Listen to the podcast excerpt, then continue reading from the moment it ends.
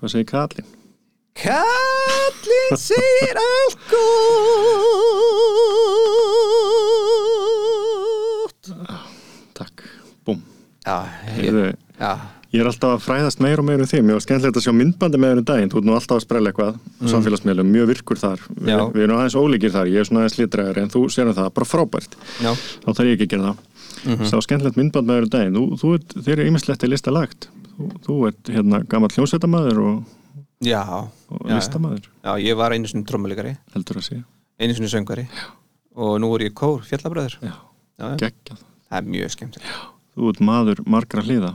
Já, já, En hérna Það er aðeins liðin í haustið og það er konið svona haustlitir og lauf að fella og, mm og hérna og landið að taka á sig fallega mynd. Já, Þetta er það sem mér finnst Ísland hafa fram yfir Grænland af því að Grænland er klálega ekki rétt nefnum á, með þann stað það sem ég bý. Nei, það er allt óa svona grátt yfir og, og mikil snjóþingsl en hérna erum við með þessi grænu svæði og tríin og, og fallegt. Og við höfum verið að ræða það hvort að skóar á Íslandi og tríin séu það sem koma skal. Já, og við fengum stelpunar um daginn hérna e, í spjall til okkar og mástu um að ræða við þar e, frá Grænibegð og HMS mm og hún Áróra frá, frá Grænibegð þá hún var að segja okkur frá um, að það sé verið að tilnefna mannverki til grænu skóplunar og Mhm. þau ætlu síðan að, að, að, að aðfenda verðlun og verðlun á, á, á degi akkurat. Sem er á föstudaginn eftir viku. Sem er að fyrsta þetta viku. 30. september. Já, og, um, og þetta er að mínum að þetta fyrsta skrefið í að Ísland um, gerir betur já, í umhverfismálum í byggingarinnaði já, og það er meðal annars sögð okkur að á einhverju tjónpunkti getur við fara að nota Íslands timpur Já. í húsbyggingar. Það er það er magnað. Það er algjörlega, algjörlega magna en, uh, en við erum með hérna ansi flotta og, og eftirtekta verða um, samstagsæðila Já, í vinnuskúrnum. Mm og einn af þeim er, er verslun í Vít. Uh, sérverslun með flýsar og, og, og fylgiluti mm staðsettir í bæjalendi Kópói og Mm. Akureyri. Já, en þjónust allt landið og við eh, báðum þá félaga, Alla og Hafsteinum að koma til okkar í skúrin segja okkur Já. kynna þetta fyrir okkur mm og við áttum aldeilis gott spjall við þá já. Þetta er, þetta er, þetta er fræðandi þáttur. mjög, Mjög svo. já, þeir vita hvað þeir eru að tala um Og, og, og, og þeir vita hvað þeir eru að tala um. Já. Það er bara þannig. algjörlega ef að lefa fólki að njóta og lefa fólki að hlusta og kynast vitt með okkur Við skulum bara kynnast vitt betur. let's go, minnum á enn og aftur og daginn eftir viku, græn byggð græni dagurinn, hlustum á vitt Hlustum á vitt. fyrir svo vel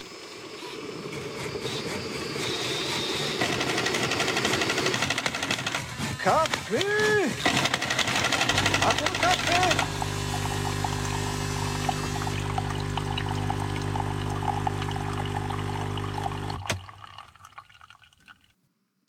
Það er hjálmar við erum í rosalega fínu og góðu samstarfi við eh, vitt flýsavæslun og því vorst að segja við með að vera í hérna víti veggja. Átt í vitt loft. veggja. Já, já. slóstum alveg út af læginu en, en eh, vitt er staðsett í bæjalind og á Akureyri. Mm og þetta er sérvæslun með flýsar og, og efni því tengt. Og þeir eru komin hérna til okkar í vinnuskúrin eh, Alli og Hafsteit frá Vít, velkomni strókar Takk fyrir. gaman að sjá okkur Ef við byrjum aðeins á ykkur og ykkar sögu Hafsteit, hvernig tengist þú verslunni Vít og, og, og, og svona hver er saga eh, Vítar? Já, uh, sem sagt, fóruldra mínu stopnaði þetta fyrirtæki upp úr 1991-2 á sem sagt fæði minn, Árni Ingvarsson, hann var sem sagt flugmaður hjá uh, Arnarflugi sálega félagi og Já. þegar það fór á hausinn þá hérna þá vildi hann ekki taka þátt í Íslandsflugi sem var Nei. partur af því. Hann hafði ákvað að fara í sjálfstæðansregnstör á þeim tíma og vildi prófa með sér að flytja inn vöru því hann sá sem sagt um uh, allan innflutning á varahlutum í flugvilar og, og Já, aðeins smá reynslu af, af, af Innflutningi. innflutningi. þekkti til í því Já, og þetta er hvað, 92? Já sem sagt 91 eða byrjar þetta bara í bílskúrnum heima. Það er bara konar granítpröfur bara í bílskúrin á öllum tegundir það er rosalega stert í minningunni. Sem reynda líka fyrir sér með alls konar bílavörur. Já, já, það var svona hitt dæmi sem, maður reyndi fyrir sér en það gekk ekki upp. Já, þannig að við áttum lagra bílavörum í meirinn áratug inn í skúr. Já. En, en það sem gekk upp var bara að byrja í, í graníti Mhm. alveg fullu þar og þá bauðan í verkefni eins og Ingolstorg Já. fekk það, frekar stórt bara strax í byrjun. Já, já. og fleiri önnu verkefni eins og hérna Ingolstorg, er flýsar á Ingolstorgi granít. Það er bara það er bara nost granít á það er svoleiðis. Hann Það var, hann var líka með klæningun utan á hæstarétti. Og, og síðan gerðarsafni í Kóbói sem var svona frekar stórt verkefni og sem var svona hálfgjört bras á þegar það var í byggingu því manalega eftir því þegar ég lít krakki sko, þá, var gerðarsafni bara hálfkláru byggingu í mörg ár. Já Einmitt. hann náði þessum verkefnum og, Ok. og svona í gegnum tengslin á, á öllum, öllum þeim bransa þá heyrði hann af á ákveðnu hérna fyrirtæki á, Ítalíu sem heit Miras sem voru að koma með nýjar típur af flísum á markaðin já, já, sem eru svo hörðu flísar sem eru við kvöldum þetta granít keramik og þetta heit á ítalsku granito ceramico já Mhm. Og það svona út frá því fór boltin að rúlla almennilega inn í flísabransan já, já, já, já. Og þetta er svona það sem við múrar höfum svona kallað svona gegnhilt efni svona, Já. já, svona það sem er notað út og inni frostólið og, og mikill styrkur Já. oftar en ekki tvíbrent og alls konar kunstir kringu það hvernig þetta er unnið. Já, þetta- það er sennilega uh, ég held að það sé samt bara innbrent en, en tvíbrenslan var hérna típundin sem voru undan því að þá þurftur að brenna hérna leirinn og sem þetta að brenna glýrungin aftur. Já, yfir, já, það, ok. það er gamla, já, já, gamla tegundir sem allir En nú ertu með sama kjarnar bara í gegn og mismunandi áferð og Já, munstur sem rennur þetta bara í gegn eins og bara horfur á pítsur í pítsaofni Einmitt. bara mjög svipað prósess. Já, nokkarlega, einmitt.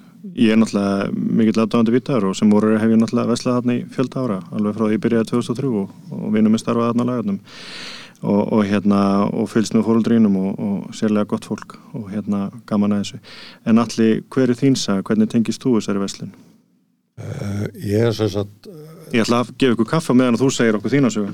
Já, Ég glemt að gefa ykkur kaffi. Já, herðu kaffið maður En hvað er með það allir? herri, ég er sem sagt tengdasonur Arnó Sigrunar Ok, og, og kynni sem sagt Helmi á Beðuröst uh, 2007 já, þegar það er að skella á hörð kreppa og, mikil erfið, já, erfið tímar. Í rekstur fóreldræðra og 2008 kem ég þar í raunin inn bara til að hjálpa það því að vantaði hendur. Ok, og búin að vera síðan. ég er búin að vera síðan að hjálpa. Eru þið bæðir í kaffið það? Ég skal taka það. Ég, ég var svo bara verið mig út með. Ok, þá tek ég þinn og þú fá vatn svona. Já, þú kemur inn 2008 Já, það þróast eiginlega frá því að vera að hjálpa átna í kringum allt í Já. verslununa yfir í að ég tók við á honum að sjá um að pantinn. Ok, og, og núna þegar kallin er hættur og þá sé ég raunin alveg um verslununa í Kópói já Það er bara þannig. Já, með tengt á með þér já, já? Sigur, Sigrún, toppmanniska Já, frábær, hún situr ennþá í sínu seti ég hitt hann reglulega en hérna, og lengi vel þá, þá hérna man ég að það var risa stór lager inn í Hafnafyrir líka.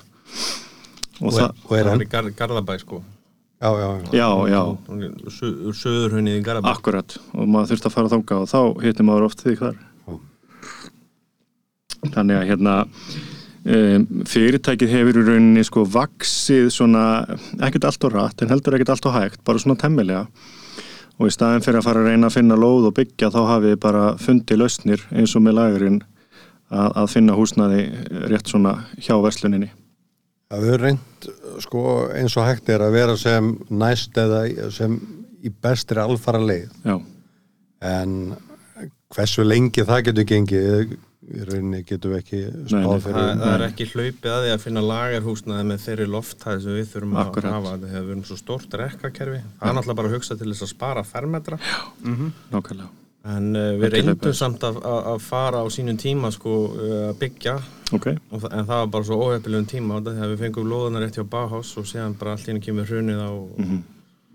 Það var svona svo saga bara í raun endaði bara þar. Að efnaðslegar aðstæður bara breyttust á einni nóttu.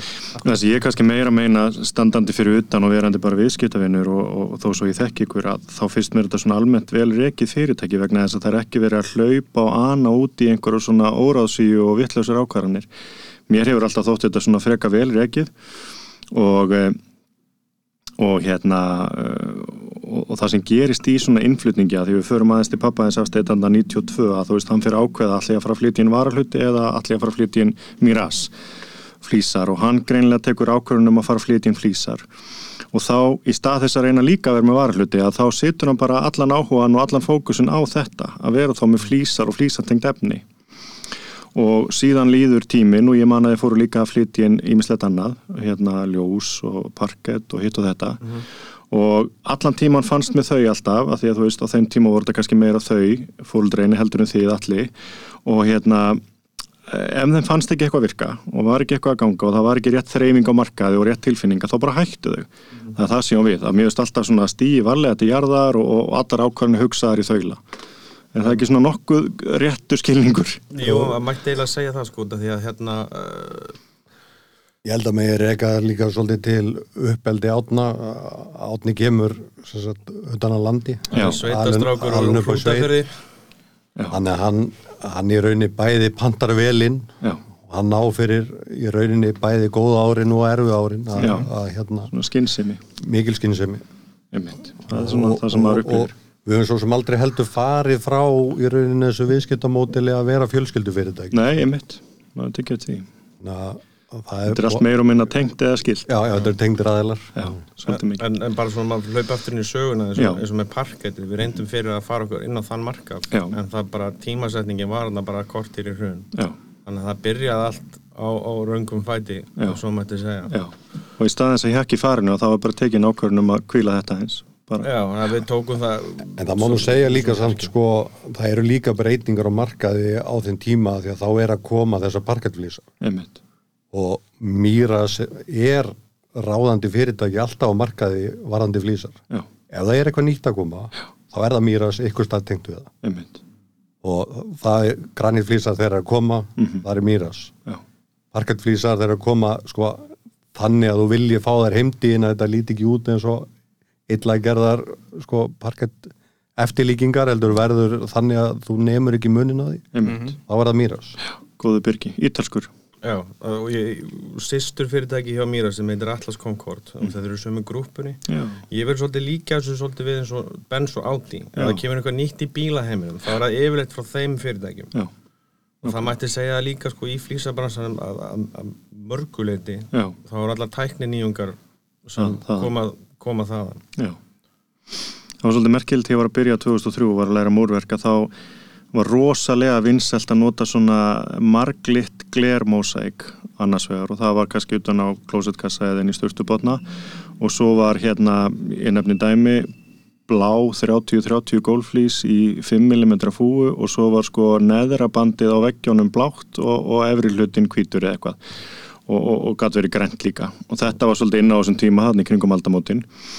Síðan fljótlega fórið út í e, hérna skorið efni e, 10 mm 30-60 til dæmis og, og þá þurfti þetta að vera svona cut og rectified og fólk að setja fór að setja meiri kröfur um að þetta væri ekki kóníska flýsar og minni fúur og síðan fannst mér þetta svona nýverið ef ég fer kannski max 10 ára aftur í tíman þá fannst mér þetta fara út í 60-60 mikið og, og samlega því var lítið 61 og 20 en í dag finnst mér mjög aðtiklisvægt að segja frá því að við hjálmar heimsóttum Vitbæjarlind og, og, og, og ég hef nú oft komið þánga en taldi mig þurfa að fara með hjálmar og sínum og þá fjallan alveg fyrir flýs sem var í minningunni 2,78 á lengt sinum 1,20 og ég spyr mig sem múrari hva, hvernig fara menna þessu? Er þetta í alvörunni trendi í dag? Er, er bara hafsteinn, er fólk að kaupa sér 2,78 flýs það kemur fyrir.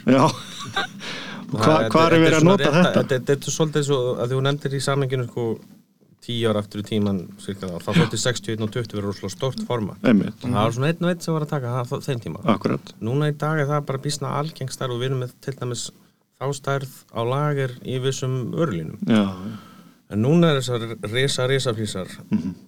að reyða sér undir og en það er bara 2,50 í loft á Íslandi svona almennt, Hva, hvað er að frétta ástæðan fyrir, að, fyrir því að þeir hafa þetta 278 er að það er mismöndi loftað eftir mismöndi löndum. Já, já, já, og það er til þess að, til þess að þú náir upp í loft já, í, í, að á já, já. þannig að ein- í einhverju landi er 277 eða 5 eða hvernig sem það er. Akkúrat. það er kannski maxið í, í viðkomandi landi.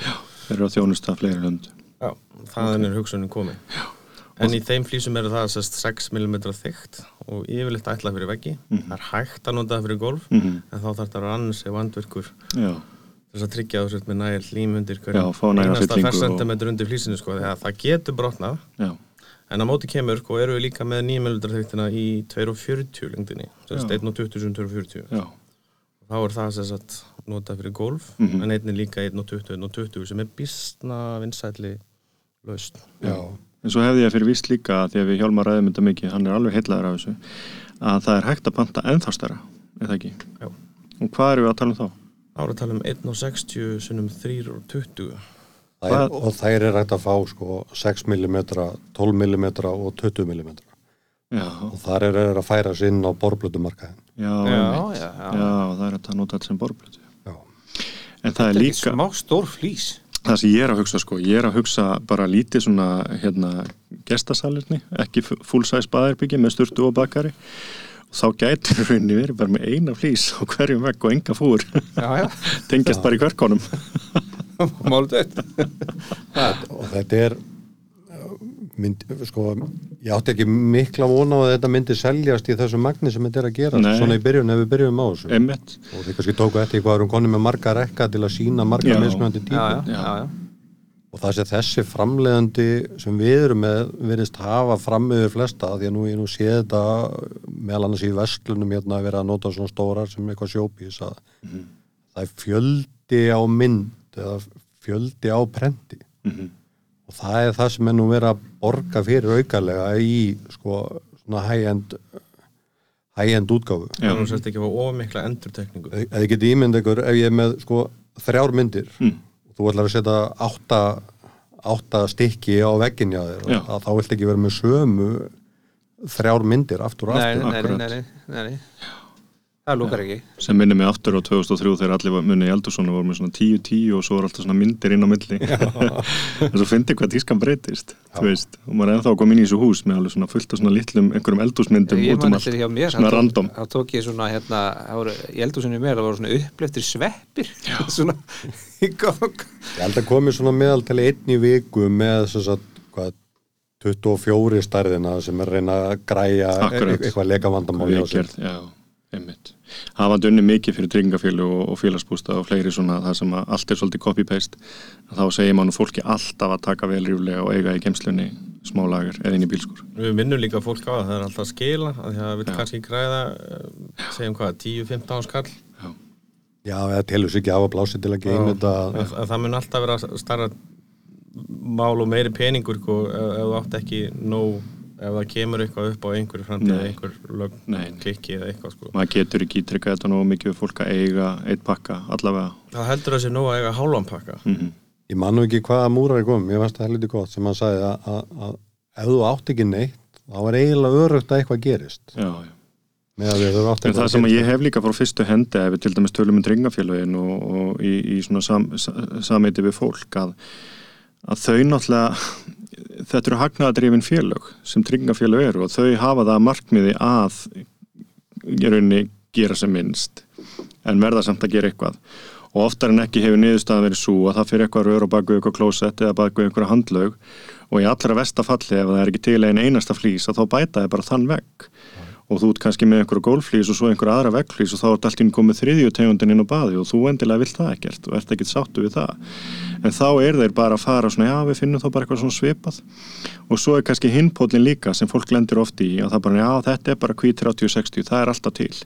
En ef þú ferði vít og allar að kaupa 8 árum setna kvíta 30-60 þá getur hún bæði verið í öðrum tón bara því að það er önnur framleiðsla og önnur uppskrift.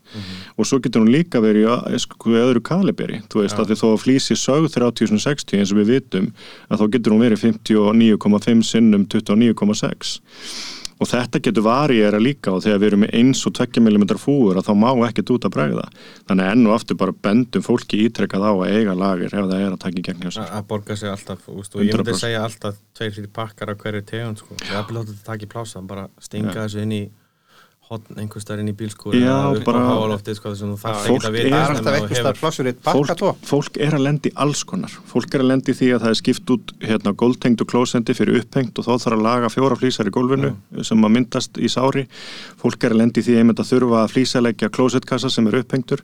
Fólk er að lendi í því að það byrjar að leka með niðurfalli að því að það gefur sér rör og þá þarf að leggja aftur á styrtubotnin og þá er ekkert nógu að eiga eina flýs og, og sérstaklega í algengasta dæminu það er að taka baðker út og búa til styrtu Já, svo ekki sem að minnst á það. Já. og þá náttúrulega gengur ekkert að vera bara með eina flýs en hérna eh, annað sem hefur alltaf heilla mig hjá vitt eru eh, mikil gæði efnum og verkværum og ef við tölum aðeins um hérna hafsteinn efnin að um, þið hefur selt uh, rosalega fín efni í gegnum árin. Og, og ég man þegar að um, vassvendakerfi voru að byrja, að ríða- byrja að reyða sér til rúms að þá að þá hérna veit ég að maður fór alltaf í vít vegna þess að maður gætt svona svona trist á að, að maður gætt fengi rosalega flotta öllu að tvekja þátt að kóðu sem að heiti CL50 og, og hefur alltaf heilla mig mikið vegna þess að um, maður getur nota hana út og inni og þú veist, svo nota maður með hana hérna, þéttingar og kverkaborða og svoleiðis og þá er maður að koma með bara skotelt og drými um, þessi framleiðandi síðan breyttist. Segðu okkur aðeins frá því, ég menna nú, nú Já, er, við vorum með hérna Serisitt sem okkar aðal byrgja fyrir öll þessi fylgjefni já, og það fyrirtæki var í eigu Hengel sem er stór efnavöru framlegandi í Þýskalandi já, og er bara rauninni alþjóðlegt fyrirtæki. Og það sem gerist var svona þískvara já, já, gerði í Þýskalandi og hérna það er sagt uh, Hengel ákvör að selja til samkeppnisaðila mhm, sem heitir PSI sem er í BASF Mhm. sem er stærsta efnavöru fram, framlegandi í heimi. Já. og sem sagt, þeir Hengel selur sagt vestur Evrópu businessin sinn. Já, sem sagt séri sitt í vestur Evrópu til PSI og PSI basically bara tekur yfir vörlínuna þar en gamla séri sitt vörumerkið er ennþá til í austur Evrópu já, ennþá í Pólandi, Tjekklandi já þannig að verður svona samrunni þarna. Já. sem svo verður til þess að í dag er þá vitt með vörur frá PSI PSI ok, og það er bara það sem gerist. Allir ég nefnilega hérna hef stundum lent í svona það sem ég kýsa að kalla breakthrough í þessu og það var meðal annars CL50 sem ég alltaf er mjög hrifin af. Svo kom líka annað efni á markaðin sem að var reikfrít léttlím sem að heiti CM90 segðu okkur aðeins frá því það var, það var rosalega vendipunktur í þessum bransa Það er rauninni game changer þegar, þegar átni byrjar að flytja það inn. Já, Við minnum nú að það heiti CM átján á þeim tíma. eitthvað. CM18 var í rauninni sama límið sko nefnum bara það var ekki reiklaust þá CM90 var svona reiklausa edisjónin sem, sem tók bara yfir einmitt Og þetta er, þetta er rauninni léttlím. Já, Það, sko, það er rauninni önnu formúla og, og þú er rauninni dregur, sko, bæði lími léttara, það er- það er léttara að vinna Já. það og þægilega að vinna það. Og, og þú dregur í rauninni meira lím sko þú þarf í rauninni færri kíló per fermetir af það lím er, það er eðlis léttara en það er samt sama rúmmálið sem þú fær út úr pókanum þannig að þú ert að þannig að ef við segjum bara undir 60-60 per fermetir og þá þarftu 2,3 kíló af þessu lími menn þú þarf kannski 4 kí- kíló frá samkynnsæðal á ferlinum sko þá, þá verður maður var við alls konar, maður er búin að fóra ímis námskeið og, og gera alls konar hluti. Og þetta er svona eitt af því sem stendur upp úr að, að við félagarnir hérna, við vorum að nota mikið CM18 sem var hefðbundi léttlím og svo CM24 sem var þá hraðara.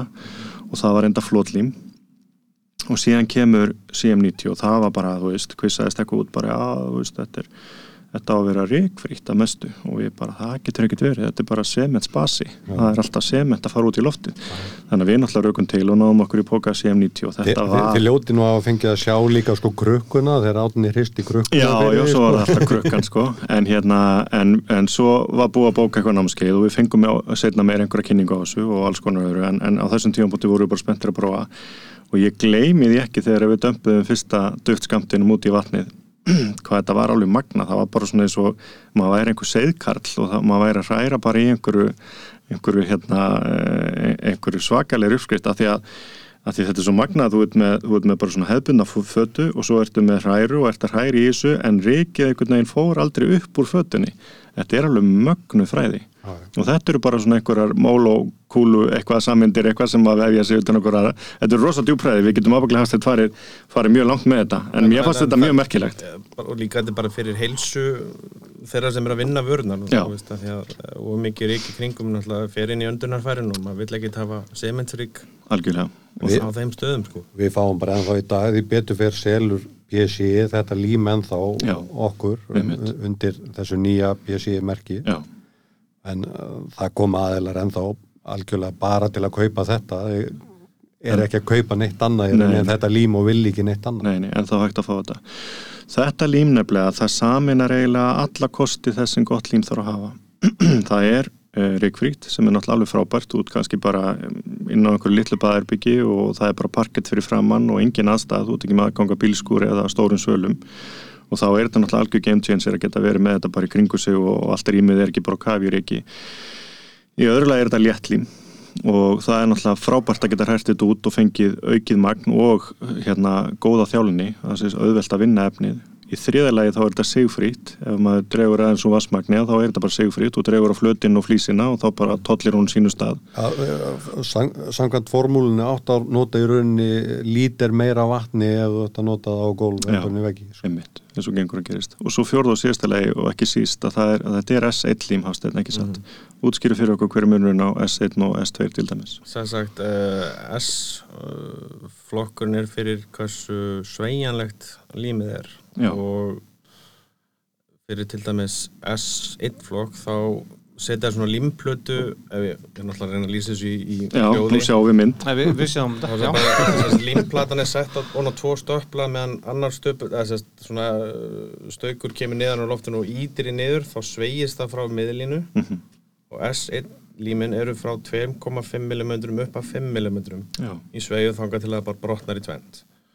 S2 límin ná að, að lámarki 5 mm sveigju Þannig að þú getur ímyndað sko ef það er einhver að ganga á trególfið eða setta þannig Já. þá er betra en S2 lím til þess að taka við þessari sveigju. já, fylgisu Áður en þessi flexlím komu þá var ekki það mikið um S1 lím á markaðum, þá var þetta bara kallað S0 að náði, þá vorum límir rosalega stökk. Já, og þá þurfti litla hreyfingu til til þess að koma alltaf stað. einmitt. Þannig að fyrir útilagnir og, og fleira þeimtum þá var S1 svona það fyrsta sem kom inn. En, en við myndum alltaf mæla með sko S2 flýsalímum þar sem mikil hreyfing er undir. Já, einmitt, eins og timbukul og svona. Já, og, og þá erum við með lím frá ítilsku framleganda sem heitir. Já, Ég hef nú bara aldrei heyrt um svona teit, svona reyfinga og lími og eitthvað. Þetta er alveg nýtt Þú ert líka bara youtuber og áhuga maður. Ég, Ég er bara ég brenn fyrir þetta. Já, er, þetta, þetta er algjör komið til mér sko núna. Ég, ég bara vissi ekki að þetta var til. Hi- Hitt sko, að því að nú tala ég um allir nokkra svona eh, vendupunta í, í, í ferlinu og þú veist og ég man eftir eins og sé aftur CL50, ég man eftir CM90 og, og, og, og síðast en ekki síst að þá þegar að múrar lendi því að vera í, ég nefni sundlu heitupottur eða yðnaðareldús þá þurftu að nota epoxifúr, það er bara krafa. Og ástæðan er svo að, að, að hérna, það þarf bara að vera mikið slitthól og hörkuþól og það þarf auðvöld að þrýfa þetta og þetta má ekki sapna í sig eins og sementsmynda fúr gera. Og, og, og þá þurftum við að hérna, nota epoxifúr og sem múrari að þá get ég alveg votta það að það getur verið döð og djöfull að vinna með epoxifúr á þessum tímapunkti, mér langar að segja tíu ára eða eitthvað, mögulega lengra, tími liður svo rætt og þá kemur lithogól með.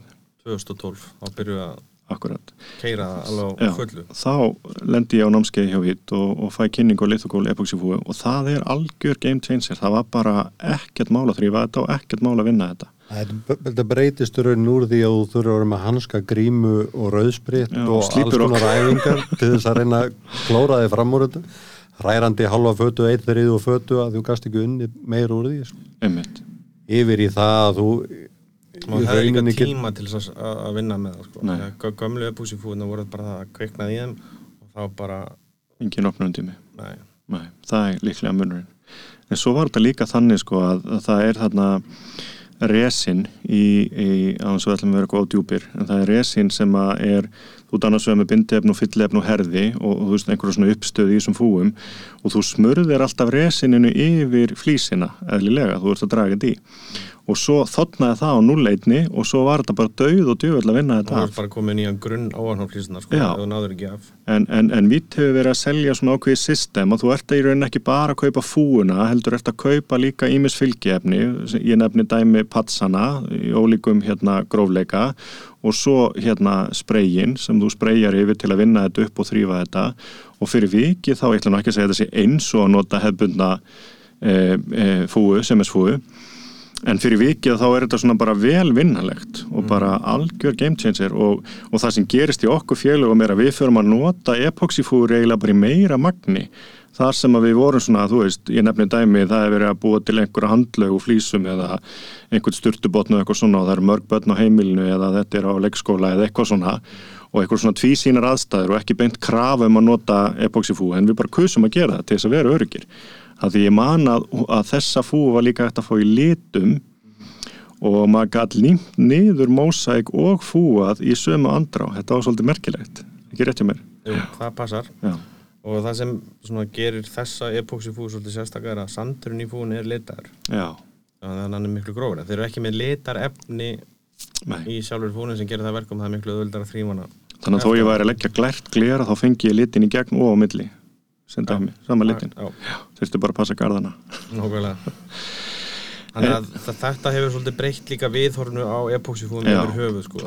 en, en við skulum samt alveg hafa á hreinu sko. múrar ekkert sérstaklega hrifnir að sko, að Nei, nota epoxyfúur Nei, sko, að í einhverju almennu rými sem það þarf ekki að því að við skulum líka alveg vera hreinskilin með það að hún er náttúrulega ekki jafn áferðafalleg og seminsfúa Nei. hún er, hún er grófari. Það er enda búið að sko, nýja að búa, er- er- það komið ný útgáfa sem heitir Ok. Ívo frá þeim já, hún, er, hún er úr, úr fitness salla sko. Og búið að í rauninni matta litinu út og hún er orðin í rauninni alveg svo sem en svo já, það er svo leiðis hvað það var það? Já, ok, ég vissi það ekki. En, en hún er dýrar þetta er, er dýrar efni og að, það, það ber að fara með þetta á rétta staði. Já, já, réttir staði til dæmis mér finnst til dæmis að þú ert að leggja á til dæmis algeng verkefnir í sömumbústum flýsleggja og þá er yfir lagt flýsalagt á timburplötur sem eru þá og einhverju lektum og það er alltaf einhver hreyfing á því. Líka þú ert að leggja á þessar já, við myndum alltaf mæla með epoxyfú með það bæða þetta þegar miklu meiri tókkraftur Mhm. í epoxyfúum þannig að það halda betur á samskeitunum já, sem gerir það verkum að það eru síður líklegri til þess að springa upp sko, ef það er einhver hreyfing undir því. Já, Svo er ég alltaf undrandi að það sé verið að nota sko, sementsfú í almenningssalerni eða almenningssturtur sko, veist. út annars með það sem þarf og svo hins vegar það sem þarf ekki en svo ertu með rosa mörg svæði sem eru á gráasvæðinu. Það sem að múrarinn ætti raunin að gera það en það er ekki krafa á hann að gera það. Já, já. Ég er alveg sammála því. En, en talandi um þetta hafst þetta svona ólík rými og ólík undirlög ég er með alveg nokkra spurningar tengt því. Ef við byrjum til dæmis á timbukólu eins og að spyrja þér að nefna og, og hérna við erum með sumabústað það er stiftu sökkull og svo koma dregarar og, og bara einhver borðaklæning eða blötuklæning og svo koma gólplötur og ná 22 mm spónaplötur. Og það eru nótaðar og lagða saman og síðan á að fara flýsilegja á þetta. Ertu þá með sér nálgun á það? Af því að þarna ertu með talsverðar hreyfingu sérstaklega með ef við sér 60 grind. Já, ég myndi alltaf reyna að hafa fleiri hérna, dregara. Já, Ég myndi hafa þétta grindina.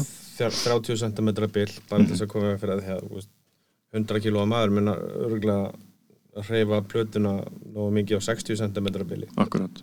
Þannig út með 60 plötu og þá myndur þú hafa til endana og svo dregara í miðunni líka. Já, þéttari grind, ok, rétt grind fyrsta og skrifið síðan er að finna rétta grunninn. Og við erum búin að finna ákveðin grunn frá lit og kól sérstaklega því við bara við báðum þá um að finna laust fyrir okkur að CLT húsin er, er, hafa verið að riða sér til rúms á Já. undanförðum árum.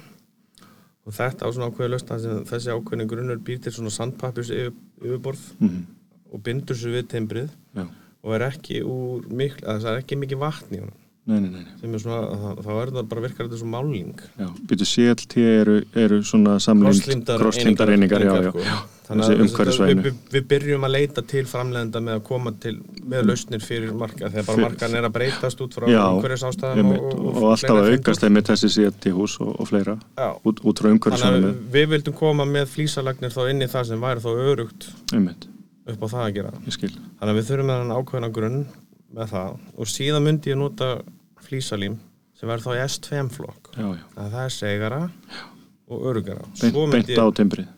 Beint á grunninn á já, já, já, og svo myndi ég nota já, já, þá myndi ég vera bara alveg rólegur. Já, já. Í gamla daga þá var alltaf mælt með og þegar maður var að koma á þessu námskeitilíkar að vera jafnvel með kóðu á milli e, á timbri fyrst til að fá eitthvað flex þar. En í dag eru líminn það er greinlega bara til þess að binda sig við. Já, já. Timbrið sko. En í dag eru líminn bara orðin þannig að þau geta farið beint á. Það að náttúrulega eftir hvaða líma það er sko. einmitt, Já. og svo var líka hægt að nota epoxylím en það er þetta mjög dýr lausn en já, svona e, já, bara annar möguleiki. Já. Allir við erum stattir inn í sturtuklefa og hann er uh, gifsklættur með, með bara votrýmiskifsi um, hvernig gungum við frá honum þannig að hann haldi uh, kjátti og sé góður? Við þurfum eiginlega að kvoða þetta vel. Já, og þar myndi ég fara í CL51 Já. sem er bara inn í kvoðan Já. passa að borða uh, kverkar. Já, og nú að mannsettur eða innhótt fyrir, fyrir þau. Einmitt. Mannsettur náttúrulega ef það eru sé, nýju innbyggðu blöndunantæki Já. og það er unnið þar að kvoða þetta tvisvar tværum fyrir. Já, passa að draga ekki of þungt lag af kóðinni einmitt. Já, já, það eru sumir sem koma tilbaka og skila kóðum til okkar já sem er eða, alveg- eða er að kaupa litla, litla fötum að sko lítil, lítil fata er ekki, ekki nógu á venjulega sturtu sem er þú veist, 90 sinum 1 og 20 eða hvað sem fólk Nei. er að taka í dag. Nei. maður er að spurja fólk og, og, og svona að ráleika því út frá því já, og þeir eru náttúrulega með einhverja formúlur per fermeter. Já, það er eitt- 1,4 kíló að fara á fermeturinn þannig að þetta gengur eiginlega upp þessi litla fata og hún sé að fara að ganga upp í þetta. Akkurat hún er meira svona hugsun kannski sem viðbóti eða á eitthvað gólfi við gerum með eitthvað svona. Já. en hérna, já, og þarna erum við að taka tvær góðar umfyrir, oft tala um sko lóðurétt og svo lárétt og, og hérna passa helgidaga og skamta vel. Já. um, og svo erum við þá með innhóttn og úthóttn og kverkaborða og mannsettur sem eru þá um, röraþéttingar. Og uh, notum við síðan einhver ákveðin lím og fúr og eitthvað svona í ótrými Þannig þarna er CM90 límið bara set, sko. SL lím en, og þarna myndi ég vilja nota bara PCI nanofóuna sem að semisfúðu, það, það er nóg. Með sem svo í rauninni en, en nanoin gefur þess að bara frekar góða vassvörd sko. en svo er möguleikin náttúrulega líka að við gerum greinamenn fyrir þá sem ekki vita að epoxyfúr eru vassheldarfúr já, en sementfúr eru vass frá hrindandi fúr. akkurat. Það er þjættast að einhver leiti og sem bara þurrkar sig. Já, tímanum. Þannig að við veljum bara rétt efni með við já, já tilefnið. mjög mikil breyting í þessu einmitt þegar ég var að byrja 2003 og var að vesli víta þá var oft hannig að að maður fekk einhverju svona sementsfúi sem var í rauninni bara lita sement þar voru það slappar á þessum tíma og svo þurfti maður að pensla svona einhverju glæru yfir Já. ef maður vildi fá þetta solid já, já, sílir peða Við erum reynda til þannig efni ennþá en Já. það er núna það spray. já, já, Já, spreyðu bara yfir. Já, sprayar yfir og sem bara þurrkar yfir það var bara svona allt klappað og klart. Það við gerum það aðalega bara með hérna hvítarfúr sérstaklega í eldhúsum, það er bara til að bletta verðar og svona auka vörd fyrir ljósar liti sem eru gætni kannski að að vera skítur og sliðis Já, já, en, en við mælumst líka til þess að ef að fólk er að gera sjálft að, að, að tala við starfsfólk og fá góða leiðbendingar sko. mm, við höfum nú státað okkur lengi að því að veita sko góða persónlega þjónust þannig að og það gildir líka fyrir fagmannin þú, þú ert eiginlega aldrei á góðu til að læra eitthvað sko. nei, nei, Þú veist, ekki þykjast kunni eitthvað sem þú kannski ekki alveg með á reynu sko. nei, nei. og okkur þykir líka alveg rosalega vond sko þegar eitthvað klikkar hjá viðskiptæðinu það, það er svo leiðild að lenda í þannig upp já, já, Aldrei að vera búin að eyða öllum þessum tíma og öllum þessum peningum og, og svo er þetta, svo lekur bara allt sko. já. ég hins vegar segi við fólk verandi hinum með borðið að ba, ef við tökum baðherbyggi, það er dýrasta einstaka rými í hverju íbúð og hverju húsi svona hlutaslega út frá fermendrafjölda og ég segi af hverju ætti þú að fara í vitt og velja þér flotta flýsar sem kosta 5, 6, 7, 8, 9 þúsund fermendirinn og svo kaupir öll efnin og, og svo sem algjörbyrjandi og verður aldrei gert þetta þá þetta fara á YouTube eða óra tíma þar og svo þetta kaupa þér einhver grunnverkvar eitthvað svona. Í stæðis að geta bara fengið larðan múrar í þetta hjá þér og, Það er engin sparnar í eru uppist Nei, ég sé ekki alveg ávinningin sko, verður bara góður í þínu og mættu bara í vinnun á mótnana og láttu fagmenn vinna við sína vinnu og sérstaklega í votrými að því að sérstaklega hérna, líka þegar úrlausnina verða flóknar eins og í sambandi við epoxyfúr það, það, er, það er hægt að klúðra þeim já, lögnum mjög öðvöldlega en maður veit ekki hvað maður er að gera. Þannig að til dæmis í þannig uh, aðstæðum þá, þá mæl, og bara segjum við fólk það er, bara, það er miklu betra að fá einhvern Ég er nú búin að heyra umræðina frá því ég byrjaði þarna 2008 að sko varðandi vassvörn að menn vilji fá eitthvað skona vottun. Mhm. Og eru að bera sér fram og nú veit ég ekkert hvort það sé rétt eða ekki en það sé þannig í, í Danmörku og, og, og Þískalandi að, að þú þurfir að hafa setið námskeið til að í rauninni meiga vinna í já, já, ég get vottað það. með, með, með, Já, með, með þessi vassvörnum rými. Ég get fyrir, vótrýmis svona, þá er, er hérna Danmörk, Noregur, Svíþjóð, Finnland eru ströngustu kröfur Já, já. í allri veröldinni. Ég var að vinna í Noregi og var með sveinsbrif og, og reynslu í múrverki og flýsalögnum en ég mátti ekki vinna við votrými að því það vantaði certificate. Og ég bruna þéttingur hérna líka, setja upp hérna arna og kaminur en ég þurfti að fara þarna eitthvað námskeið á vika eða eitthvað. Og hérna og fekk þá vottun um það að ég væri búin að setja þetta námskeið og mætti vinna við votrými stjættingar Ég skil ekki okkur tryggingafélagin skoði ekki þetta eitthvað sko. En í Noregi var þetta reynda undir þannig að þú veist að gifs var almennt ekkert, gifs og timpur var eiginlega bara illa séð og ekki samþygt inn á votrými. Og þar var þetta bara þannig að þar var grindin þétt, einmitt eins og við nefndum áðan með góldreigarana, bara farið úr 60 nýri 30 eða 45 og svo voru veggitum bara klætti með 20 mm já. sem er enn einn snildin já, og alveg frábært efni, sem við komum með á, á sínum tíma. Heldur betur. Og hérna það var eiginlega bara hugsun hérna að koma timbrinu út úr baðherbygginu Akkurat. það er bara eiginlega að koma smiðanum út úr baðherbygginu akkurat. Og veti hefur hennar eiginleika að þetta eru rosalega réttar plötur og beinar og sterkar og við erum búin að nota þetta í mörg ár múrara til að klæða til dæmis klósitkassa og við hefum búið til létta sturtuvangi og, og við höfum hérna búið til svo, það sem við kjósum að kalla kúplingu og tökum við þinnri plötur og, og klæðum með speskerfi frá veti þar sem eru skinnur og skrúur og svo límum við það jafnvel líka og þéttum samskipti með borðum og klæðum yfir timbur. Og þá erum við búin að kúpla í rauninni að því að flýs er náttúrulega steindauð og, og, og hart efni en timbrið ekki. Það, að það, er, það er eitt atrið sem heitir timbrið það sem hefur mikið áhrif á það er, er rakastig. Það er rakin er það sem sko lætur timbrið beinilist bara dansa. Já, já. Veist, það fyrir að vinda upp á sig og, Já, en við höfum stundum útskýrt að þannig bara til þess að fólk skilja að timbri vill hreyfa sig en flýsin alls ekki. Og með því að klæða yfir með veti á milli þá erum við bara öryggir um að við séum búin að drepa hreyfinguna á milli með þessari kúplingu. Og þetta hefur komið ótrúlega vel út og svo líka ef að fúa eða kýttun eða, eða niðurfallið eitthvað gefur sig að þá grýpur vetiplataða sem að timbri gerir ekki þannig að þetta hefur reynst rosa vel og, og þetta lærði ég í Noregi og bara mjög strángar kröfur þar. Og þar máttu ekkit lappin í votrými og byrja að vinna fyrir Pétur og Pál nema að hafa til þess vottanir. Og þú sem neytandi og verk kaupi færð ekki um, til dæmis tryggingu eða, eða húsegenda hérna, tryggingar eða slíkt nema þá að, að þessar, þessar vottanir liggja baki. Og þannig verið að passa upp á hag beggja. Það er verið að passa upp á múrarann sem er búin að fara að sækja sér þessa mentun og, og leggja það á sig að að eða tíma og, og, og, og kostnaði að, að læra þetta.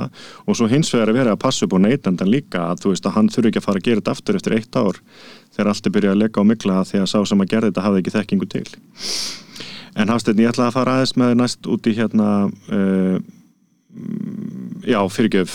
Tölum aðeins um það sem þú nefndi lítilega áðan hérna uh, álfilma undir gólfita hún hefur reynst mönnum erfitt oft og hérna uh, múrar hafa voru til að byrja með svolítið að kljást við þetta og fundu ekki lausnirnar hvernig er átt að fá þó að væri S1 flýsalím að fá það til að býta sig við af því að í grunninn er þetta bara ál.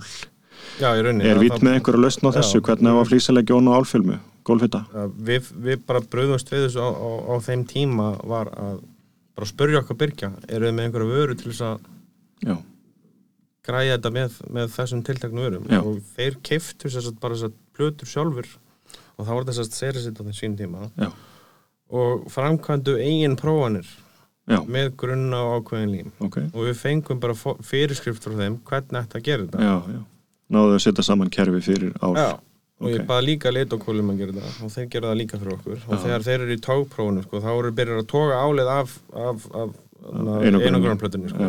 Þannig að við erum sérst með laust fyrir þetta. Já, við erum búin að leysa þetta. Já, Ok, síðast en ekki síst heita kartiblan í umræðinni eitthvað svona sem ég veit að sölumenn og múrur er ekki alltaf sammáli um hvernig flýsaleggjum við utan hús á Íslandi þannig að það haldi? Við getum byrjað allan því að segja að nota ekki svartar flýsar en þetta er búið að vera rosalt vesen og, og staðan er bara þannig í dag að, að það er mjög fáir múrar sem þóra að fara í flísalagnin utan Í rauninni að þú getur komist hjá þessu þá er eiginlega þá- er eiginlega í rauninni betra að fara að leðina og fyrir mér sko það sem er verið árangarsvíkast var þessi tveggja þátt að kóða Ok. fengur minnst kvartað undan henni. Já. þannig að ég myndi alltaf uh, leggja til mig til þess að við erum með svalir. Mhm. þá þurft að, kóða þess að undirlæðið og við erum ekki lengur með CL50 kóðuna, við erum með aðra kóðu sem heitir Aquamaster frá Litagól Ok, sem er svona mjög tegju þólin uh, fúa Já. hún er eins og hún er meira eins og kennaratyggja heldur en heldur en eitthvað sementsbundið efni já, já, tvekja þátt að kóða. hún er ekki okay, málið, sko. já. og þú þurft ekki að að borða með henni heldur Ok, þannig að þetta er svona pínlítið undræfni upp, upp á það að já, gera og þetta er bara einhver algjört gúmi í dós. já, og síðan þegar þú blandar 10% af vatni í hana þá breytir henni grunn Já. og það er rauninni það sem þú þarf að gera fyrst þá setur þann grunn Mhm. svo myndi segja, yfir semens yfirborðið eða floti eða hvern, hvernig sem aðstæðunar eru Já, til þess að fylla upp í alla mikrósprungur í yfirborðinu á ílögninni síðan tekur þú tvær umferðir bara vennulegar ok, og þá ertu komið svolítið svona kúplingslag svona kúplingslag ofan á þetta. Skilði. svo myndi þetta östferlím Ok, og helst epoxyfú en það er alltaf í lægi að nota sementfúur þetta er það sem ég myndi mæla með sko fyrir útilagnir Já, þetta er það sem er að virka í dag. já, en það, er- þetta er alltaf háð aðstæðanum sko hvernig hvernig hlutinir eru Já, hverju sinni, sko. það er ekki alveg sama hvern, hvort þetta sé, ef, þetta eru svalir og, og hvort að handrið, stálhandrið verður beint ofan í steipuna þá ertu komið svona veikan punkt já, já, á þetta lögnin. Ég séð útilögn fara alveg til landskotans bara því að stálhandrið fór ofan í steipuna, en það var ekki fest framan á. Ég nefnilega stúdar þetta mikið sem múrari og, og, og, og að komin á það eftir bara ótrúlega erfiða tíma í mörg ára að segja bara neyfi fólk. Bara ég get í miður ekki bóra ábyrða á þessu. Þetta bara, ég ger allt sem er lagt upp með og allt sem mér er sagt að gera en, en það eru samt að losna. Og það var einna helst vegna þess að oftar en ekki var verið að leggja flýsar utan hús á köld svæði. Ég nefni tröppur og svalagólf. Þetta er ekki upphyttu svæði, þetta er bara kalt. Og það sem gerist er að við sem múrarar, við erum að prófa alls konar. Það var til dæmis þetta á einhverju tjónpunkt að nota. Ég myndi takja þátt að kóðu. Það var að nota kúplingstúka sérstaka sem við áttum að líma fyrst og svo flýsarnar yfir. Um, og síðan var maður stundum að prófa bara að líma þetta hreinlega beint á steinin og bara treysta á að ílögnin taki þá rakan úr ef eitthvað er að gerast og það leiti þá bara niður í gólfið þannig að alls konar pælingar á bakvið þetta og maður dregur á flötin og maður dregur á, á flísina og maður klessir þetta saman með flótlými þannig að maður fá ekki garðana því að garðarnir valda því að það sapnast raki í þeim og svo frýs rakin og, og poppar flísina. Þa- Þarna myndi ég til dæmis segja að kóða myndi bjarga þegar hún býr til ákveðna rakasperru þannig að rakaflæðir ekki að fara í gegnum kóðana. Nei, Þannig akkurat, að það er svona vörnina neðan ef svo mætti segja, eða úr að leggja á akkurat. köld svæði og svo, Einmitt. svo myndi segja. En en á sama tíma þá kannski vorum við að passa að hafa þenslu með veggjum og í kringu niðurföll þannig að það er kýttað ég myndi þá alltaf nota limkýtt en ekki Það er vandamála bindingi. í Íslandi er að, að í rauninni vetur og sömar kemur mörgur sinnum saman daginn já, já. þannig að þú í rauninni vassálaði getur verið alveg gríðalegt á svölum Ég ætlaði um þetta að segja sko, að þó að ég passa þessu engi garðar undir flýsónum og ég sé með epoxy fúu og ég er að kýtta útringu í kringu niðurföll að þá veit ég að allur útringurinn og öll samskipti eru þétt. Það er ekki vatn að fara undir flýsarnar með það sem ég gerði. Engu að síður þá get ég fengið hérna döggunabúnd. Ég get verið að hausti eða vori og það bara er 15 gráður yfir daginn en fellur svo niður í mínus 5 um nóttina flísin er heit, gólfið er ískalt og það myndast döggunapunktur undir flísinni. Og þá kemur raki bara eins og við lendum í gluggabátnum inni hjá okkur bara úr rúðunni. Og, og svo kemur nýr, hérna, nýr dagur og, og það er kannski hérna kalt og svo verður kaldara um kvöldið og það frýs fyrir niður fyrir null og þá eins og svo ofta áður poppar flísin bara upp að því það er bara svo mikið þensla í þessari döggun sem átti þessi stað undir flísinni. Og þetta var alltaf mjög erfitt að eiga við og jafnvel sko þú sérði ekki hvað hefur gerst sko fyrir kannski mánuði í rauninni sko skaðin er jafnvel orðin svo vondur. Veist, hann, hann er ekki eins og sko ein flýs sem losnaði, það, það er orðið stort svæði sem að liggur undir skaða í já. Svo einhver tímaðan hérna er pappi vina minn sem beðið með mig að gera þetta og ég segi nei, ég er bara því miður, ég bara, þetta bara klikkar alltaf hjá mér því miður, ég bara treysti mér ekki til að ábyrgist þetta. Já, ég er nú með flýsalega tröppur hérna í garð hjá mér og þær eru búin að halda í 15 ári eða eitthvað, 20 ári. Ég er með spurningu Og- og bara, ég- fyrir og ég segi, heyrðu, ég ætla að fá að koma til hinn Já, það var í Setberginu. Ég sagði, ég ætla að fá að koma, mér langar að sjá þetta. Ég. Það á ílögn. Engin grunnur, ég veit ekkert hvað er límið en eitt og ég bara, ok, hvernig má þetta vera? Og þarna var ég bara eitt stórt spurningamerki. Ok, þú veist, þetta greinilega er eitthvað að virka hérna og ég veit ekkert hver ástæðan er. Og svo fór ég eitthvað að stúdera þetta og eitthvað að spá í þessu og þá er sem sagt undir tröppunum uppbyttu gemsla. Þannig að í rauninni náði, Hann- tröppunar aldrei að frjósa í þeim skilningi. Það. Já, og það var bara að koma hiti og þá fór ég að segja fólk, ok, ef þú ætlar að vera alveg solid með þetta, hvað sem það er svalagólfið eða tröppur, settu snjóbræsli í þetta. Passaðu að fluturinn undir frjósiki. Og það er það sem ég var fann að segja við fólk. En síðan gerist það, við fyrir að selja það sem ég kalla fljótandi flýsar, þið kallið úti flýsar og Flýsa hellur líka. flýsa og, og þetta eru 20 mm þykka stórir flekar og, og lagðir í stillifætur og Já, í hérna, rauninni er þetta bara flýsar sem eru bara í tvöfaldri þygt. Þetta er bara, þetta er bara því að gömlu flýsarna voru það 10 mm en nú eru 9 en þetta er 20 mm þyktar flýsar. já. Ég elska þetta. Þetta bara, þarna bara leisti ég öll mín vandamál. Bara geta tekið samtali við kunnan og sagt sem svo, við bara steipum þessar svalir, gerum það bara geggjaðar, fullnægjandi í vasshalli, glöðum einhverju svaka epoxi yfir þannig að það er svo algjörlega solid og svo bara búum við til rosalega fallegt golf með flýsa hellum. Mér finnst þetta frábælust og ég er, ég er eiginlega hvað hrifnastur af þessu. Já, við, við Hafstedt voru saman út á síningu 2014 Ok, og þeir eru komin tilbaka eru alveg, sko, alveg seldir á þetta gerfi sko. Já. Förum, að, förum að presentera þetta alveg á Já, fullan sko. við, við lendum við smá vandræði með, með gamla kallinn, sko, hann föðu minn, sko, hann var ekki alveg seldur á þetta nei, Ekki alveg að kaupa þetta. Hann, hann var hættur um þetta gæti fókið og, og svona að því að Íslandi getur orðið mjög kvast já, en það þarf að tryggja í svona lögn þar sem að eitthvað setur ofan á að, að vindur geti ekki átt sér leið undir það sko. já, já. En hvernig það er maður einmitt að loka endanum? Hvernig hefur fólk leist það? Er það bara með svona einhverjum Það er- áfellum?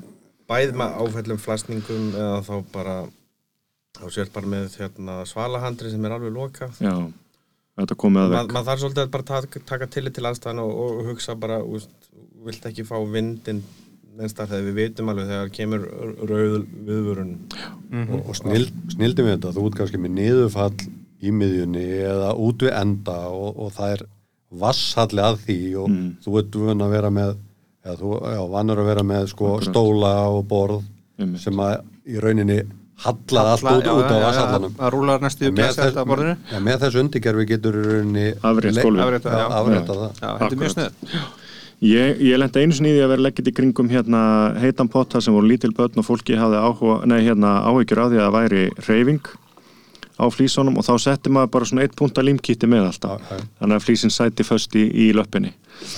En það þarf náttúrulega, sko, það þarf að passa að flýsarna séu öruglega, sko, með gripi til að vera úti. Og Já. miður er einn og einn á aðlega á markaðanum, ekki að vanda sig varðandi, Já, já. sko, þetta er kallað í flýsunum í rauninni R eða hálkustuð Akkurat. og hann verður að vera þannig að þetta getur verið úti á Íslandi. Já. Þetta má ekki vera sleift og, og að því að það getur komið snöggfristing og annað. Og, og maður þarf að passa sig að maður er með þetta auðvundir að vera með gráðu halla eins og í sturtunni, þannig að þetta. Þannig að þetta er rauninni örglega dreni sig. Já, já. þarf að vera hálft prósent Já, ok. Það er-. Það er sem sagt hérna bara opin fú á millið þeirra en það, það stingur ekkert í stúf, þetta er bara eins og hellur og, og, og, og vatni leikur bara á milli og dreina sig hérna undir þessu og, og niður í niðurföllin og Já. svo liftir maður bara flísin í kringu niðurfalli og þjónustæla á sin. Já, og við náttúrulega förum að hugsa þetta aðalega fyrir svalir. Þú veist, þetta bara, maður er búin að þess heyra að þetta. leysa útilagna vandamáli Já. við vildum færa fermetrana okkar í sölu út á svalinar og reyna, að reyna að finna einhverja lausnir til þess að geta Akkurat. En skoðandi bæklingana og sjá villur á, á Ítalíu að, að þá áttu okkur á að það er verið að gera þetta líka í sand. Já, Það er verið að nota þetta í rauninni eins og bara í, í, í, í jarðarslagnir sem við kalla það já, einmitt. Og, og, og í rauninni þegar að það kemur og þá, nú erum við að selja þetta alveg í heilu, heilu garðana, sko. Já, að það sem við byggust við, sko, þetta væri bara úst, fyrir svalir og allt það, það, það var röng nálgun hjá okkur uppalega því að fólk vildi bara fagra garðana sína, þá fór þetta bara meira inn á skrúðgarðirkju svæði, sko. Þá getur ímyndar að þú varst áður með 30-30 eh, steifta hellu í garðinu hjá þeim með mosa á milli og með tilherandi sko pyrring þá getur þú núna farið í sko 1.20, 1.20 flýsar sem eru eins flýsar þú veit með inni heima sko, nema með þessu hálkugrip Hann var einmitt hjá okkur hérna Gummi Grjót og kynnti fyrir okkur skrúðgarðirkju með kennara úr, úr skólanum.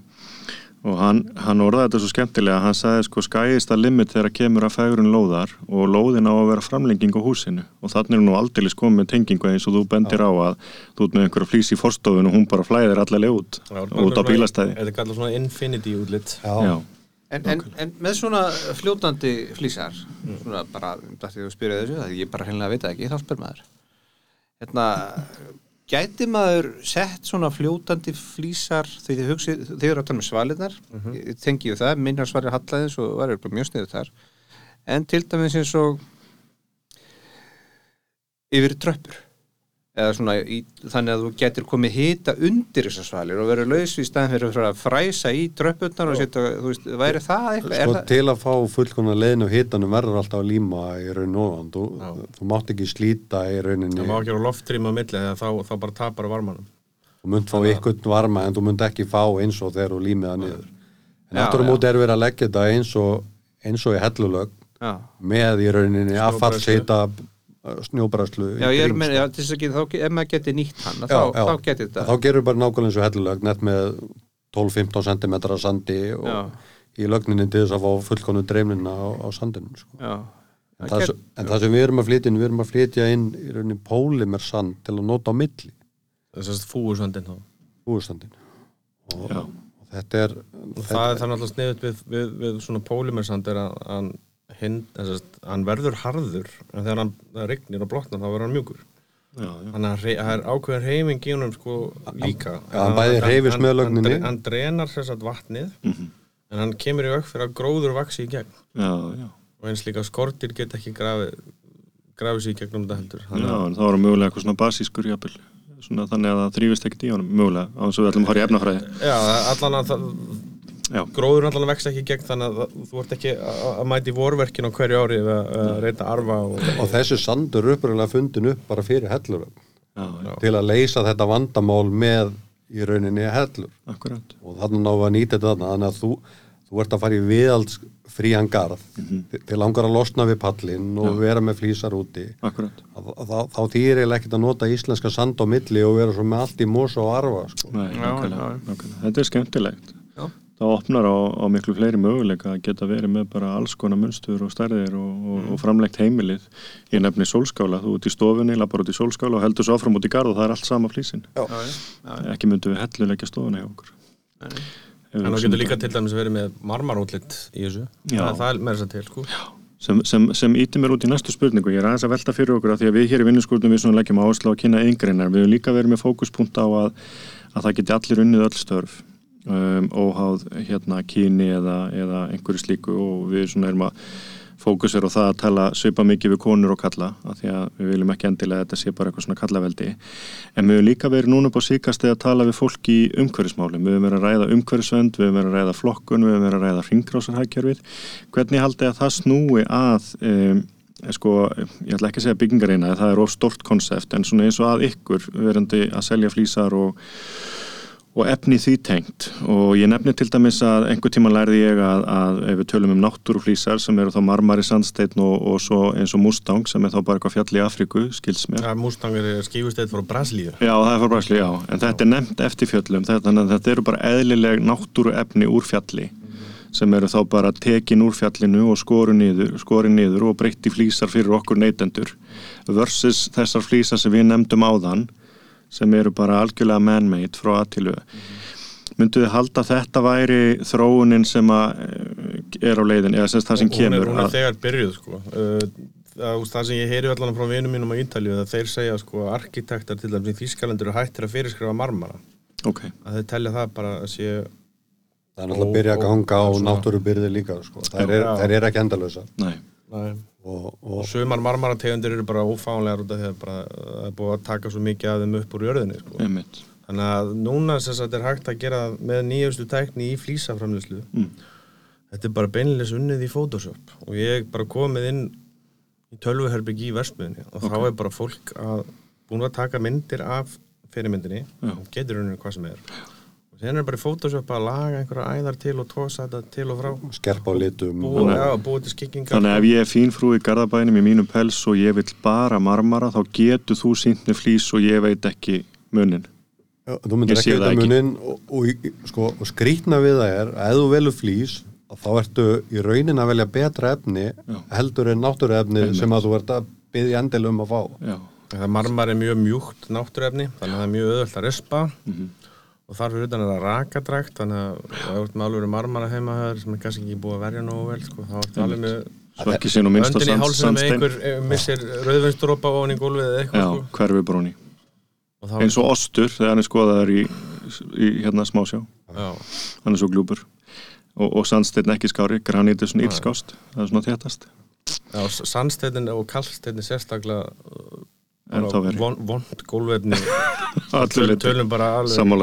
Ég, ég sko. heyrði allan eitthvað af þetta með rauðvinni og borblötuna eða, eða svaf hérna, rauðvinspollur yfir, Að- yfir Þú, þú, þú, þú losnar er- aldrei við hann aftur Þú losnar aldrei við hann aftur. Nei, og og líka sama ekki með Já, það, er, að, það, það, það eru súrir vökvar Já. og, og síran leysir upp kólefnið í öllum hérna steinum sko. þannig að þú fær mattan blett eftir bara, bara sírubrunni sko. Já, þannig að það er það mun betra að vera bara með flýs Já, flís eða, eða kvarstein eða eitthvað svoleið sem er svona Já. dött efni sko. það, er, það er miklu betra borplötu efni heldur en heldur marmar eða granít sko. Því þarna eru við sko og þannig getum við líka að tala um parkettflýsar eins og við nefndum áðan þegar við byrjuðum að þarna eru við í rauninni að samena útlitt þess sem við viljum sækjast eftir hvort sem það er parkett eða marmar eða granít eða borplata en við erum að fá styrk þessara gegnheilu öflugu flýsa Já. þannig að við erum að fá besta á báðu og, og það er einmitt að reyða sem er mikið til rúms núna að, að nota flýsar í staðin fyrir parkett eða nota þá parkett á þau rými sem fólk vill eins og inn í herbyggja eða stofu og svo parkett flýsar á móti í álagsvæði nefni eldús, forstofa, baðirbyggi Þetta, þetta er rauninni tengist þróuninni á gólfhita. Já, Við viljum gólfhita, við viljum nýta varman okkar sem best. Akkurat. Og þá er ekkit efni betra en flýsar Nei, til þess að fá bestu leiðnina einmitt. Og í rauninni nýta varman sem best. Já, og í rauninni ef þú fer að nota parkett og þú fer að nota undirlægi sem þarf að nota undir álfilmunum þá er þetta að hefta hitan sem er að fara að koma upp. Já, það er einangrar pínlítið en, en, en bara svo að fólk skilji sko, hvað, hvað vesen er í sambandi með, með til dæmis parkett og, og golfhita Mhm. það er ákveðin, ra, ákveðin rakast í hverju parkett fjöl Já, og ef þú ert að, að hækka hitan á mikið þá ertu bara í rauninni að þurka upp Já, fjölina. já. og þa- það sem gerist það að rakin fer úr fjölinni og þá minkar fjölin. Mhm. þá fara þess að sko, svona glufur á milli borðana einmitt. Og það er svona helsti höfverkurinn við, við timburvörunar fyrir þegar þú að, getur ekki verið að keira hitan eitt rosalega mikið upp. Utan af því að þessar myndir í parkettflýsum eru yngbreyndar Mhm. að þá í rauninni geta þið búið til miklu fleiri myndir heldur en í harparketti sko. Já Og, og, og, og múrari, fagaðili veit það líka að vinna þetta allt svo rétt upp úr brettunum já, já. ekki að, að taka hvert bakka og klára á sama fermeturinn Nei, nei, ef þú ert með Þá þrjú kemur bretti, já, munstur. þá, þá, þá verður Vin, að og taka þetta random. þannig úr og það er bara eitthvað sem menn vita og svo náttúrulega bara er þetta mjög stóra fjali bara 21 og 20, ekkert máli eða, eða jafnvel lengra. Og þetta er bara orðið mjög eðlislegt eins og parkett. Við erum að þetta er ekkert lengur svona litlar við erum að flytja inn parkettflýsar sem eru 30 sem 42 akkurat sem er þá unnið úr sem, sem þessari nýju tækni já, með þessari risaflýsar sem einmitt. kom sér inn á markaðin og skori niður bara í, í þessar fjalir Já. en, en vitt selur ímislegt annað heldur en bara flýsar og, og, og flýsa tengd efni. Um, ein verkværategund sem að hefur alltaf heilla mig og ég hef alltaf verið mjög hrifin af sem að vitt hefur umbóð fyrir og hefur fluttið lengi að Colomex Mhm. segðu okkur aðeins svo því. Colomex er náttúrulega bara þekkt stærð sko meðal múrara. Já, en Vönduð hérna, verkfæri. bara mjög vönduð og endingar góð verkfæri veist, við, erum, við vorum að sko þjónusta sum, sumar hrærivelina sem múrar þekkja til sem voru kannski 20 til 25 ára gamlar. Já, bara svona rétt Menn- við menn komu á með, með, með, með að finna varhluti í þar, þar já, já, menn komu á fjara ára resti að kaupa kóli þar. Það var í raun eina sem bilaði Já, ok. og nýjan pinna. Það er er bara sér, sérfræðingar í að hræra múrblöndur og bara allt sem tengist yðnaði, saman hvort sem málingar múr eða, eða sementsteipa, tveggjaþáttefni, þryggjaþáttefni já, þeir eru bara sérfræðingar hvernig er best að hámarka afköst fyrir uh, já, bara í, í, í hræri vinslu Þess vegna myndu menn halda kannski að þú gæti hrært hvað sem er með sömu hrærunni. en vegna en eru það er raunin ekki þannig. Þú kaupir sér pinna eftir hvað þú ert að hræra. Ef þú ert að hræra flót, þá þarftu sér pinna. Ef þú ert að hræra lím, þá sér. Nú ef þú ert að hræra máling, þá sér. Ég man svo eftir þessu sko að því að þegar við vorum að byrja þessar stampaflótanir að þá var það oft þannig að það var bara spírall þú veist, þú fórst bara og keftir einhvern spíral og, og þá varstu svolítið svona að toga efnið upp og oft yfir þig og þá kom Colomex með spes flótræru og, hérna, og pinnin bara hugsaðar í flót og hann vinnur bara á svæðinu í kringu sig, þetta er mjög magnað. Já, og það- þetta er bara svona algjör stúdera. Þú nefndir þetta að það var að rót þessi, pinni, þessi standardpinni hann rótar upp að botninum og upp á við. En flotpinnin hann ítir öllu niður. Já, það er hina bara engin sullumbull neitt í kringum þetta, þetta er allt bara staðbundið onni í fötunni, alveg magnað. Og alveg merkilegt að sko hræran klikkar aldrei. Nei, Hún í rauninni verður ekki kökkótt ef þú ert í réttan tíma í hrærunni. Þetta og og síðan og- kom það síðan að setna mér sko, upp, upp þe- þessum fræðum þá komar með þessa lefmögs flotræri vel sem mér finnst vera alveg gjössalega mögnuð græja. Sérstaklega fyrir alla múrara sem eru út á landi sem get ekki panta sko bara flotbíl og, og að þá er þetta sagt bara hræri vel sem getur hrært þrjápoka einu, það er 90 lítra bali. Mhm. Og er með sérstaklega svona handfangið sem gerir það verkum að þú þarft aldrei að beigja það neitt mikið en þú getur samt ítt þessum grillað þunga. Já, er á hjólum og það má eiginlega segja þetta sé sko frýr auka maður í vinnu sko. Já, og þetta skiptir líka máli eins og hafstætt nefnir að þurfi ekki að beigja sig. Já. og viðmið hjá múrurum er oft sko miðast oft við eitt bretti, stundum tvö bretti áður en þið fara að gera eitthvað annað, nota dælu eða bíl. Og ef við tökum sér dæmi og svo það hæra sko tvö bretti það eru 80 pokar af efni og ef þú þarft að standa sko hálfur niður, svo í næstu í 90 gráður að því að þú ert með það lélega og litla og stutta vél versus það að geta notað eins og Colomix með framlengingu eða, eða millikúplingu og staðið uppréttur allan tíman þetta er náttúrulega bara algjör game changer og þetta er rosalega þægilegt með þessar vélar, hvað, hvað allt svo skaftið og pinnin er miklu lengra heldur en ofta áður. Og þetta, er, þetta er svo þægilegt að ganga um þetta Já, og talengi það bara líka að, að þurfa að bera föturnar. Það er, það er, Já, og að það sé á vagni, já, þetta skiptir allt máli. Já, það Klárlega. er bara upp á, upp á líka bara afkvöstin þau eru fljótar að vinna þetta og En svo hef ég það fyrir vist strákar líka að þið eru ekki bara með hérna, reikfrýtt lím, heldur líka reikfrí verkværi, er það ekki rétt? og það uh, vil svo til að það er aðili á markaðnum sem að sko var búin að pæla mikið í þessu flýsasög Já, flýsasög hefur alltaf verið með vatni til þess að kæla í rauninni blaðið. Akkurat.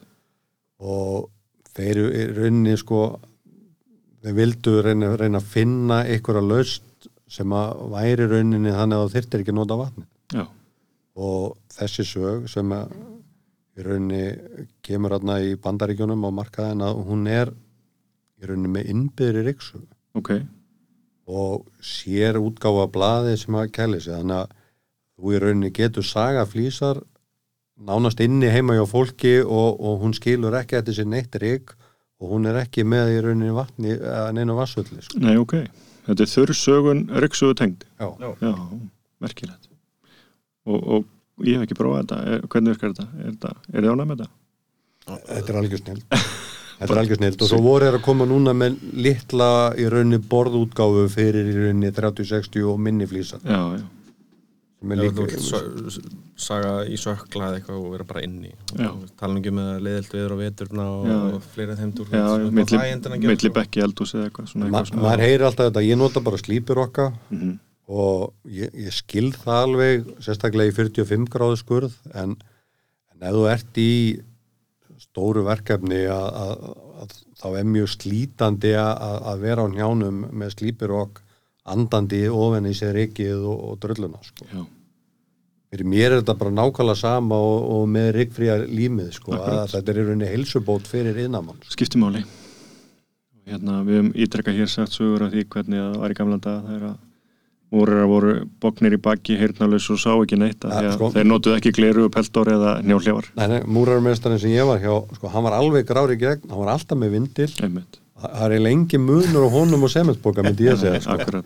en hann var alveg 90 ára fyrst, já, sko, já. Hann, en, En það eru breytti tímar og við erum fann að huga að því að passa augu, eiru og lungu. já, Og og þetta er náttúrulega klárlega liður í því en segjum við svona lókum, hvað getur maður að fengið meira í vitt heldur en, heldur en það sem við erum búin að ræða hvað, hvað selur vitt meira í dag. Ég sá, ég sá til dæmis innýtingar þegar, þegar við hjálma fórum það, það eru svo flottu vöndu innýtingar upp á veggjum. Það er rauninni hugmynd sem kemur frá Sigrúnu. Já, hún í rauninni er búin að ganga með það í lengi í maganum að það vanti baðinnréttingar sem eru í, í sko hægjend hlutanum. Já, já, já, já. svona íbúður Já, þetta er ekki neyn samkeppni við Íka, Báhás, Bíkó akkurat Þetta er líka sko, það við erum líka komið sko inn, vaska sem eru búinir til úr flýsum og Já. Atlas Concord og Míras framleitin eru byrjar á því. Þeir eru byrjar svolítið að krossa sig yfir á húsgagnabransan, innrætingabransan og þetta er svona, þetta gefur svona nýjar vitir. já, já. þetta gerði ég og minn mestari bara með veti, flýsum, geirskurði og epoxifúum Já, og þetta og er, við og í rauninni þannig gert sko. Bara þeir eru komnir upp, í, upp, upp á bara læginu esmiðu framleið Já, já, fjöldaframlegt og, og, se- og þetta, þetta er afleiðing af því þegar þeir fóru í þess að þykku stóru 1.60 lýsar í 12 mm þyktinni. akkurat, En pældi þú út með baðherbyggi í einhverju típu og þú getur fengið vaskin ná- nákvæmlega eins útlítandi sko. já, já Ég- hann Ég veit það nefnilega sko bæði tengt Sigrúnu og svo líka bara eh, hvað ég segja, þessari, þessum status sem vitt hefur og þá hafa hönnuðir mikið leitað innan og sönnur og fleiri til vittar og það hafa verið svona sérlausnir að flytja inn alls konar kunstir og dúllur fyrir, fyrir hönnuði. Og, og, og fyrir vikið hafi verið mjög svona lausna miðaðir gagvart heim af því að þeir vilja ekkit endilega alltaf þetta mainstream, hvít og svart eitthvað. Þannig að hérna, ég, ég veit að fyrir víst að þið hafi verið svona mjög þeim innan handar. Já, já, það er, það er algjörlega þannig. Lí- það er líka bara þannig að við, að við höfum svona ákveðna reglu sem, sem fæði minn haf- hafði alltaf sett fyrir sko að það er bannað að bulla í fólki. Já. það er bara, akkurat, við viljum vera fagleg í okkar nálgun og Einmitt. gera bara vita hvað við tölum um. já, Já, hans, hans uh, í rauninni uh, sína og þetta hefur líka alltaf verið að, koma með til Íslands eitthvað sko sem að hæfir gæðum sko, já, já, veist, það, er ekkert mál að flytja inn flýsar sem kosta, kosta 1500 krónur Nei. er þriðji flokkur þú veist, að, í rauninni ætti ekki að fara út úr landi sko, nei, nei það það er hægt að fá að panta það sko. En Íslendingar eru svolítið harðir í þessu, þeir vilja ákveða verð, þeir vilja geta kyrt beint úr búðin á lagurinn og sótt vöruna, það má ekkert býða, við erum aðeins núna, ekki eftir já, já. eða Það- það var, var eina góða við hrunið, það kendi fólki að býða já, já. En á sama tíma þá nefni ég aftur að þið eru náttúrulega í þessu samstarfi alls konar hönnuði og, og þá náttúrulega er eðlilegt að býða